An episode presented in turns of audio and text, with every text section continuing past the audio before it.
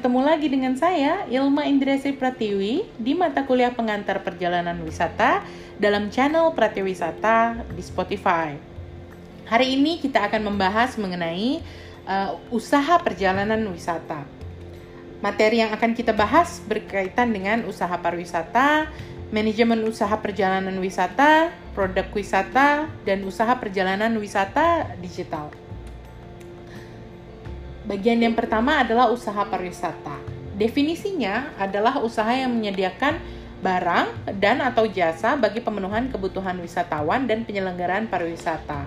Usaha pariwisata sendiri itu ada yang berhubungan dengan uh, akomodasi, ada juga berhubungan dengan transportasi, ada juga yang berhubungan dengan uh, daya tarik wisata ataupun yang berhubungan dengan uh, pure jasa seperti memberikan layanan informasi ataupun jasa pemanduan wisata. Usaha pariwisata menurut Undang-Undang Nomor 10 Tahun 2009 tentang kepariwisataan itu ada 13 jenis. Pertama, daya tarik wisata, lalu yang berhubungan dengan pengelolaan kawasan pariwisata, lalu berhubungan dengan jasa transportasi wisata, jasa perjalanan wisata, jasa makanan dan minuman, penyediaan akomodasi, penyelenggaraan kegiatan hiburan dan rekreasi, penyelenggaraan pertemuan, perjalanan insentif, konferensi, dan pameran, lalu jasa informasi pariwisata, jasa konsultan pariwisata, jasa pramuwisata, wisata tirta, dan spa. Dan untuk mendaftarkan usaha pariwisata itu juga ada beberapa peraturannya. E, misalnya ada pembagian apakah dia masuk ke dalam usaha mikro dan kecil, atau dia usaha menengah, ataupun dia masuk ke dalam usaha besar. Nah, tata caranya pertama biasanya e, dilakukan pendaftaran di tingkat kabupaten atau kota. Atau kalau misalnya ternyata perusahaan itu dia punya beberapa cabang di beberapa kabupaten kota, maka dia bisa mendaftarkan di level provinsi. Nah, usaha pariwisata yang dia punya modal asing, dia tentunya harus berkoordinasi juga dengan Badan e, Koordinasi Penanaman Modal. Nah, pendaftaran itu dilakukan terhadap lokasinya atau kantornya, tergantung jenis usahanya. Lalu tahapan pendaftaran usaha pariwisata itu ada beberapa persyaratannya. Pertama adalah uh, yang melakukan usaha perlu melakukan permohonan, lalu uh, memeriksa berkas permohonan itu, lalu akhirnya terbitlah tanda daftar usaha pariwisatanya.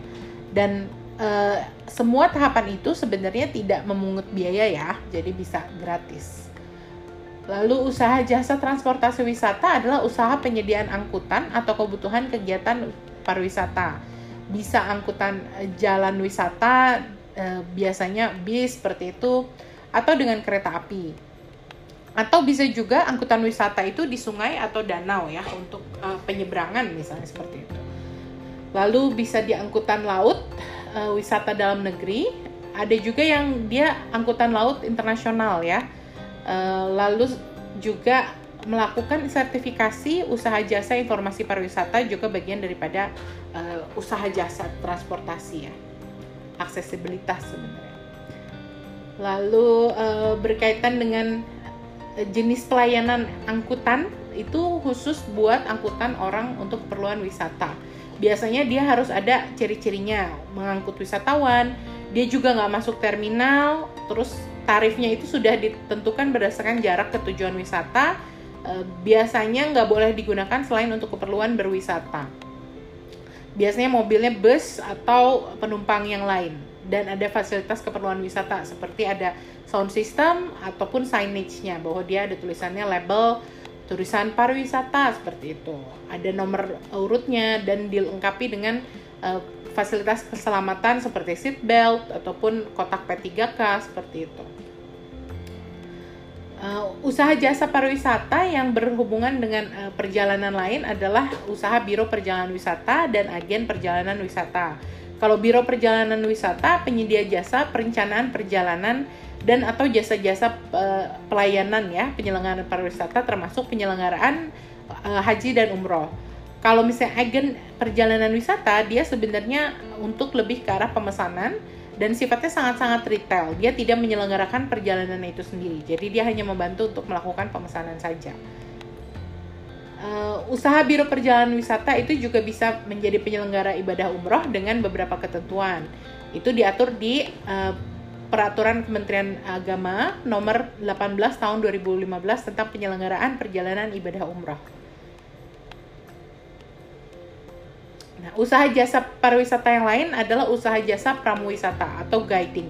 Di dalam sini bisa ada guide, bisa ada interpreter, ataupun jasa-jasa yang berhubungan dengan uh, tour manager, menjadi tour manager. Usaha jasa yang lain berhubungan dengan uh, penyelenggaraan event ataupun penyelenggaraan MICE ya. Jadi ada asosiasinya, ada aturannya dan semua uh, persyaratan itu harus dilakukan usaha jasa informasi pariwisata juga termasuk uh, termasuk dalam pengolahan berita misalnya ataupun uh, jasa-jasa pembuatan video, foto dan hasil-hasil riset itu juga masuk ke dalam usaha jasa informasi pariwisata. Nah, yang lainnya adalah konsultan, itu biasanya memberikan saran atau rekomendasi di bidang studi kelayakan, perencanaan, pengelolaan usaha, penelitian, dan pemasaran di bidang pariwisata usaha penyelenggaraan yang lain adalah uh, penyelenggaraan uh, ini ya tempat wisatanya seperti pengelola gor, pengelola uh, gedung pertunjukan ataupun penyelenggaraan wisata adventure, uh, terus taman bermain misalnya begitu ataupun hiburan malam. Uh, panti pijat misalnya seperti itu.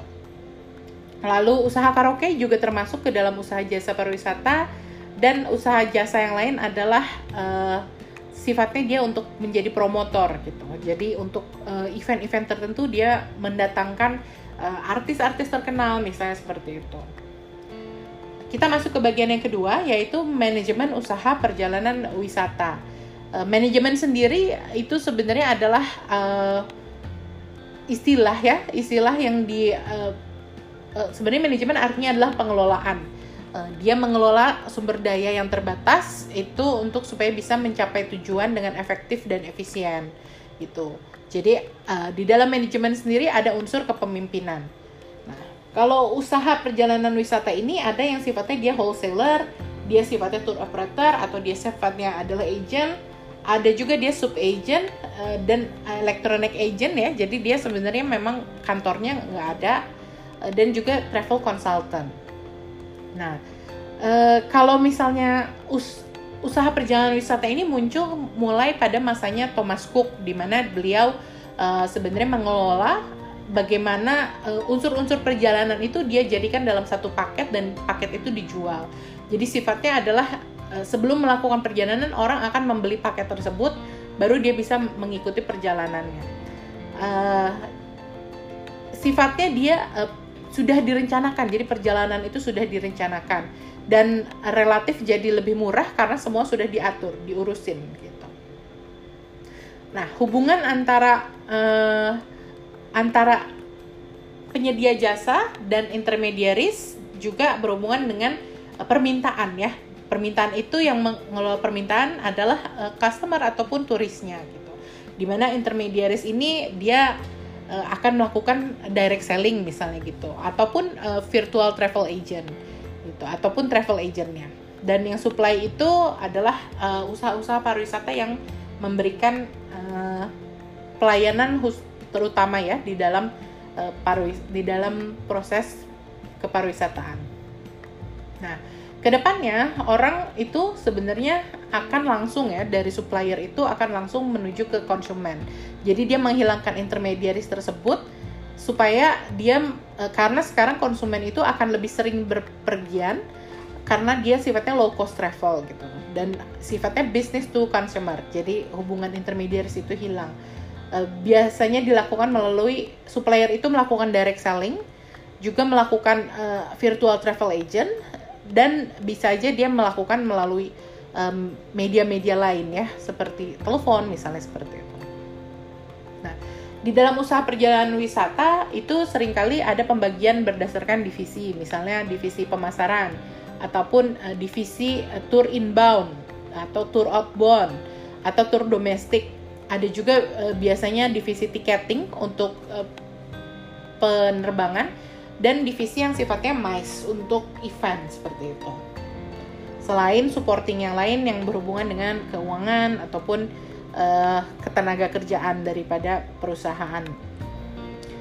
Yang terakhir adalah berhubungan dengan produk wisata. Yang disebut produk wisata itu adalah yang bisa ditawarkan kepada wisatawan uh, dan produk itu bisa dikonsumsi ya untuk wisatawan. Lalu uh, dia bisa satuan atau dia memang uh, produk itu disebut produk pada saat dia uh, berkumpul uh, gabungan dari beberapa produk wisata begitu. Sifatnya intangible dan akhirnya produk wisata itu harus dikonsumsi di waktu yang sama dengan pembeliannya.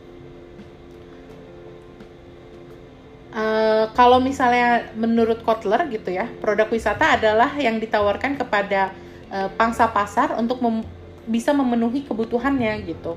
Uh, apakah itu dalam secara fisik atau secara pelayanan ataupun orang-orang uh, yang terlibat dalam uh, penciptaan produk tersebut.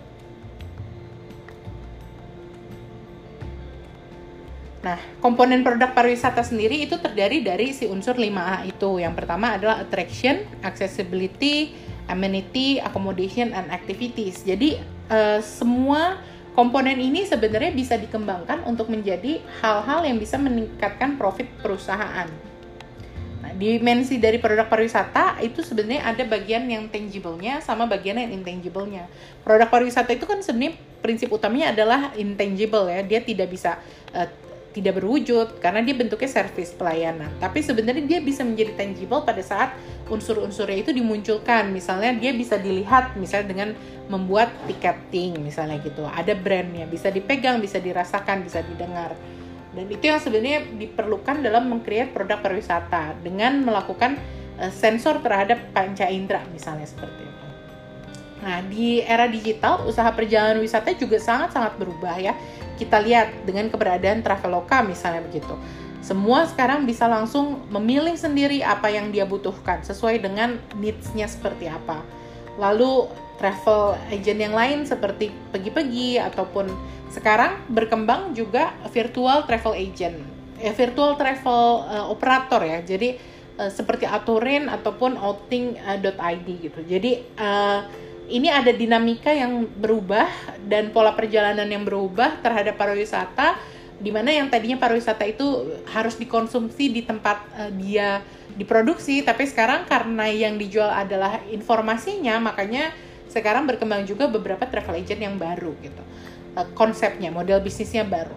Uh, oke okay, hari ini bahannya itu sekian saja Uh, kalau memang ada pertanyaan, bisa langsung dilayangkan ke email saya ilma.indriasri.upi.edu. Terima kasih atas waktunya uh, dan ketemu lagi di uh, di topik-topik selanjutnya.